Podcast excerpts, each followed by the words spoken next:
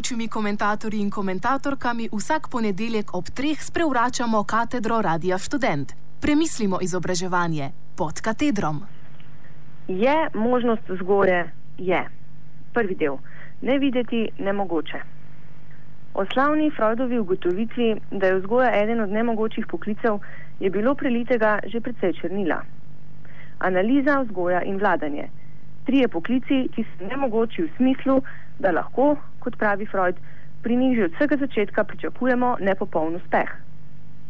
V nobenem primeru ne moremo vnaprej predvideti in zagotoviti končnega izida. Freudova drobna opaska o vzgoji je stara dobrih 75 let, a je danes ne le povsem aktualna, temveč za marsikoga najbrž tudi popolnoma nova in presenetljiva.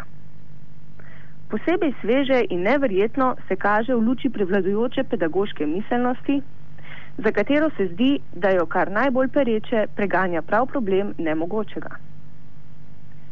Njen glavni simptom sta namreč skoraj popolna tišina in mok o vseh tistih vidikih vzgoje in izobraževanja, ki se izmikajo in upirajo logičnemu zajetju in ki jih ni mogoče preprosto odpraviti z boljšim načrtovanjem in bolje vednostjo. V sodobni pedagoški miselnosti je tam, kjer bi morda pričakovali tematizacijo vztrajajočih, nemogočih problemov, prej mogoče nahajati pravcate črne luknje, ki dozdevno srkajo vsakršen poskus osvetlitve. To vrstna mesta bi po eni strani lahko obravnavali kot strukturno pogojene slepe pege, ki jih z določene pozicije, v tem primeru pozicije sodobnega vzgojitelja pedagoga, konstitutivno ne bi bilo mogoče videti in bi bila njihova nevidnost neizogibna. Po drugi strani se zdi, da si prevladujoča pedagoška miselnost precej aktivno prizadeva za ohranjanje njihove skritosti, pri čemer moč in načini teh prizadevanj kažejo, da gre za visoke stave in da je tu pod vprašanjem nekaj pomembnega.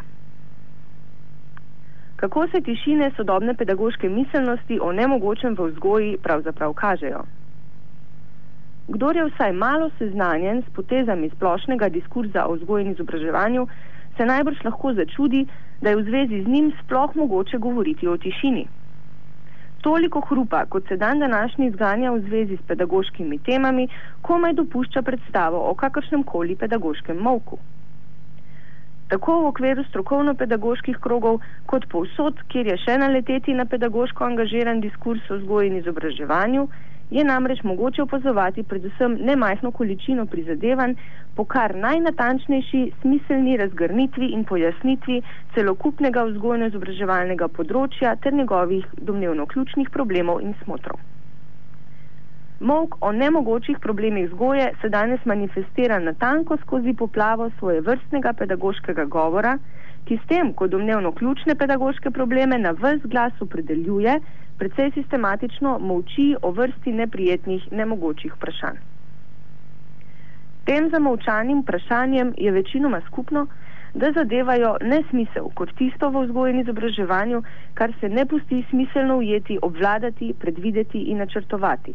Da se skratka dotikajo prav traumatičnega jedra vzgoje, zaradi katerega je za Freuda nemogoča. To traumatično jedro, ki je notranje vsakršni vzgoji, mora danes za pedagoško miselnost na vsak način ostati skrito. Vsakršne težave ali ovire, na katere lahko zgoja naleti, morajo biti dojete kot zunanje in posledično, vsaj na papirju, odpravljive. Notranje jedro vzgoje mora za vsako ceno, vsaj na vides, ostati čisto in neproblematično tem jedru se seveda v najosnovnejšem obrazcu nahaja odnos med vzgojiteljem in vzgajanjem in ni na ključje, da Freud to razmerje usporeja z razmerjem med analitikom in analizandom v okviru psihoanalize ter vladajočim in vladanim v okviru gospodstva.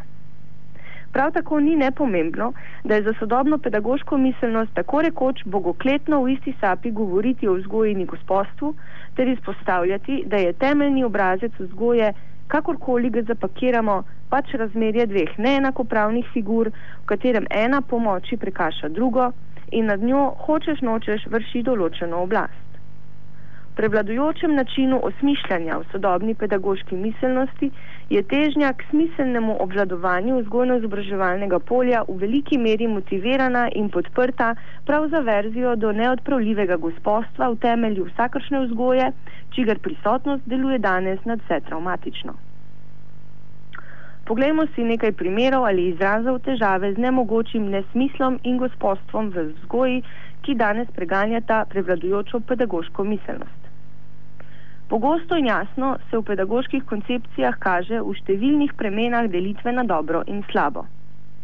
Sodobna pedagoška miselnost vključuje zglav, vključno z glavnino pedagoške stroke, ki bi ta spodrsljaj lahko še posebej upravičeno uči, učitelji v svojih koncepcijah večinoma ne vede perpetuira vrednostne sodbe o dobrem in slabem. Te sodbe so implicitne in na prvi pogled težje opazljive, kolikor so zamaskirane v domnevno strokovne izraze. Večinoma se nahajajo na mestih, kjer je upeljevanje domnevno strokovno terminološke delitve z implicitno delitvijo na dobro in slabo poklicano k prikrivanju ambivalentnosti in nerazdeljivosti ali nemožnosti enoznačne razmejitve stvari same. Tako imamo v številnih besedilih, ki pretendirajo na strokovnost, možnost slediti naslednjim implicitnim polarizacijam imamo slabe tradicionalne proti dobrim sodobnim principom poučevanja, slabe pasivne metode učenja ter dobre aktivne metode, slabo transmisijo znanja proti dobri transformaciji, manj vredna faktična statična znanja proti več vrednim procesnim znanjem, slabo pasivnost učencev proti dobri aktivnosti, slabo tekmovalno šolsko klimo proti dobri demokratično ustvarjalni in podobno ne le v strokovnih besedilih, tudi drugot, kjer prevladuje sodobna pedagoška miselnost, torej tako rekoč povsod, kjer se vzgaja in poučuje, se na prikazani način implicitno utrjujejo vrednostno orientirane delitve. Tako lahko denimo beremo o dobri in upravičeni avtoriteti in slabi avtoritarnosti, dobri in upravičeni vzgoji za vrednote in slabi ideološki manipulaciji.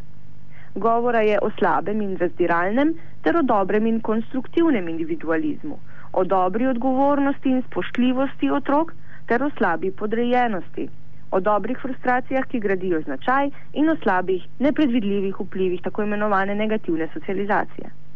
V podobnem smislu bi lahko nadalje nizali primere in govorili še o dobri birokraciji, ki povečuje učinkovitost in slabi birokraciji, ki na zadnje ovira pedagoški proces. Logika je vsem primerom skupna.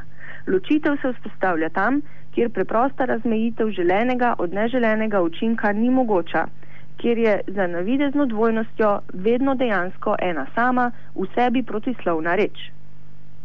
V večini to vrstnih polarizacij dobrega in slabega gre v osnovi za težavo z nesmiselnim elementom vzgoje in poučevanja, ki v odnosu med vzgojiteljem in vzgajanim ali učiteljem in učencem vznika tako na strani gospodstva kot na strani individualne svobode.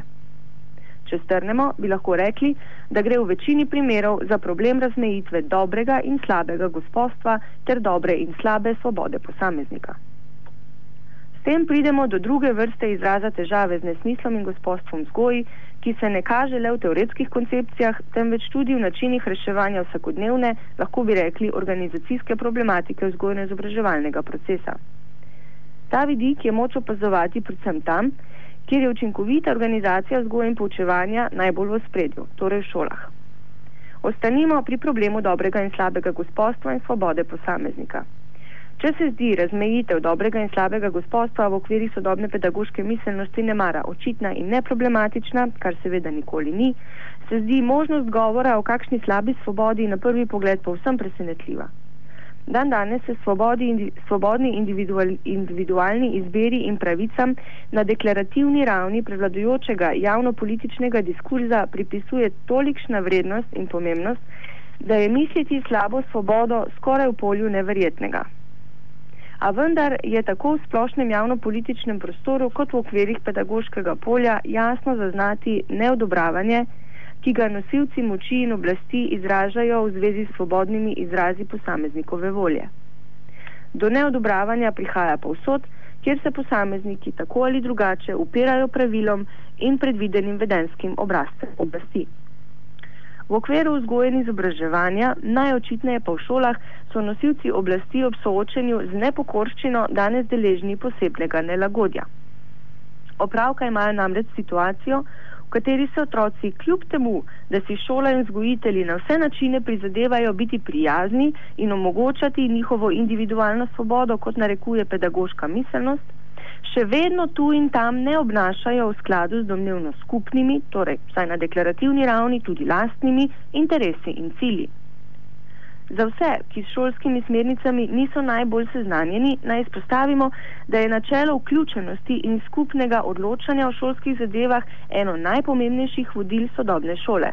Učitelji, starši in učenci morajo tako rekoč o vsem dosegati skupni konsens, skoraj vse šolske smernice, pravila vedenja in poteka dela so podvržene imperativu sodelovalnega odločanja tem se nahajamo v posebej preverzni situaciji, ko je avtoriteta pravil deklarativno utemeljena na konsenzu o skupnem dobrem, hkrati pa te avtoritete nihče ne more ali ne upa utelešati in neposredno vzeti na se njihove neprijetne plati, torej plati, ki se pokaže, ko nastopijo kršitve in je treba izvajati kazni. Ena danes najbolj nepriljubljenih pedagoških vlog je prav vloga tistega, ki kaznuje in povzroča neugodje.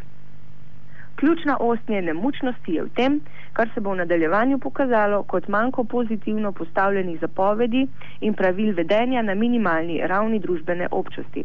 O tem več kasneje. Zaenkrat naj izpostavimo le, da je večina šolskih pravilnikov, hišnih redov, vzgojnih načrtov, priprav in drugih primerkov obsežne šolske dokumentacije namenjenih predvsem obvladovanju slabega gospodstva in slabe svobode ter zagotavljanju njunih dobrih, skupno določenih različic. Da kljub nezanemarljivim prizadevanjem birokracije absolutna pravičnost, dobra avtoriteta in dobra svoboda individualizirane ustvarjalnosti še vedno niso povsem zagotovljene, je že iz vsakdanjega izkustva popolnoma evidentno in tudi povsem nepresenetljivo. Razcep, ki se pedagoški miselnosti kaže kot razlika med dobrim in slabim, je namreč tako gospodstvu kot svobodi notranji in tvori natanko freudovsko nemogoče jedro vzgoje, analize in vladanja. Naziranje, ki ga prevladujoča pedagoška miselnost, kot je videti, nikakor ne more in noče sprejeti, povdarja, da je ta razcep hkrati garancija naše neizbežne podrejenosti in možnosti upora, da se v njem hkrati zagotavljata tako gospodstvo kot individualna svoboda. Glasni mok pedagoške miselnosti o nemogočem razcepljanjem jedru vzgoje ni problematičen zato, ker bi, kot mnogi svetovno-nazorski sistemi pred njo, v svojem govoru pozitivno postavljala in zagovarjala določeno podobo realnosti, ki naj z nemogočimi vprašanji tako ali drugače dogmatično opravi. Predvsej bolje problematičen zato, ker nakazuje na pravcato masovno utajo celotne problematike. Ne gre namreč več za to, da bi se skušali uveljaviti določeni odgovori na vprašanja gospodstva in svobode, ki so vedno delni in pristranski, temveč bolj za to, da se celoten diskurs pedagoške miselnosti pretvarja, da ta vprašanja v vzgoji in poučevanju sploh ne obstajajo. In čista možnost vzgoje, tako kot Južni otok, je. O tem, kako je splošna vtaja neprijetnih vprašanj povezana s strukturno določenostjo pozicije, s katere se sodobna pedagoška miselnost izjavlja, nadaljujemo naslednjič. Komentar sem pripravila, Vesna Pobežin.